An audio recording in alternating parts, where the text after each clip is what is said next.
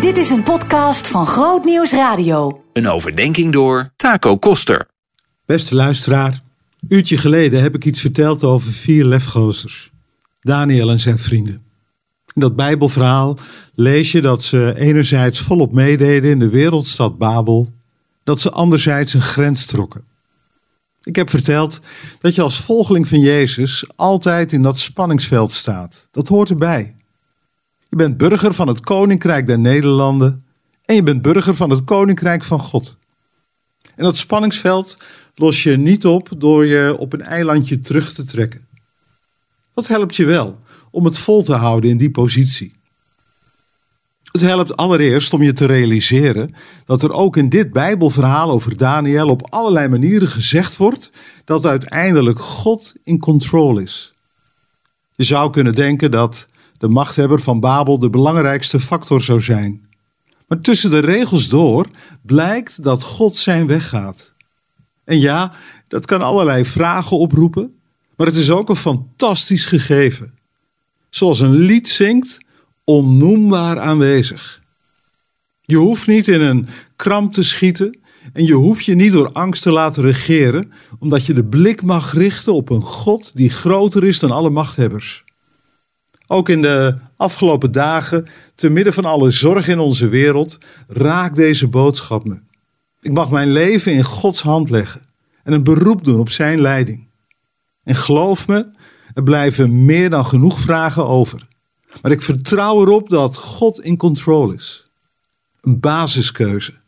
God is goed. Wat ook helpt om het vol te houden in dat spanningsveld. Goede vrienden. Als het spannend is om je positie te bepalen, is het geweldig als er mensen om je heen staan die je begrijpen, die je advies kunnen geven en die samen met jou sterk staan. En die samen met jou kunnen bidden en kunnen zoeken naar Gods weg in een specifieke situatie. Vrienden zijn enorm belangrijk. In dit Bijbelverhaal is de focus vaak op Daniel alleen, maar Daniel zou Daniel niet zijn als hij niet drie vrienden had die samen met hem optrokken. Als het echt spannend wordt in mijn leven, heb ik mensen nodig die mij ook kunnen helpen in mijn geloven. Welke vrienden hebben impact in jouw leven? En als derde wil ik je dit meegeven. In het eerste hoofdstuk van het boek Daniel staat in vers 8 het volgende. Daniel was vastbesloten.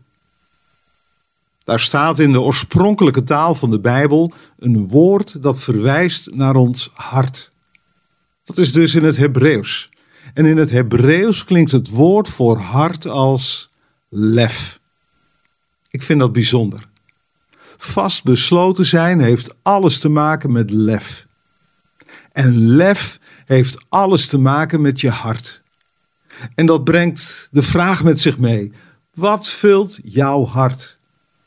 En voor vandaag wil ik je dit heel graag meegeven. Laat Gods liefde, Laat Gods vergeving, laat Gods goedheid, laat Gods wijsheid jouw hart vullen. Ik zou ook kunnen zeggen, bid om de vervulling met de Heilige Geest. En weet je, meervoud van lef is leven.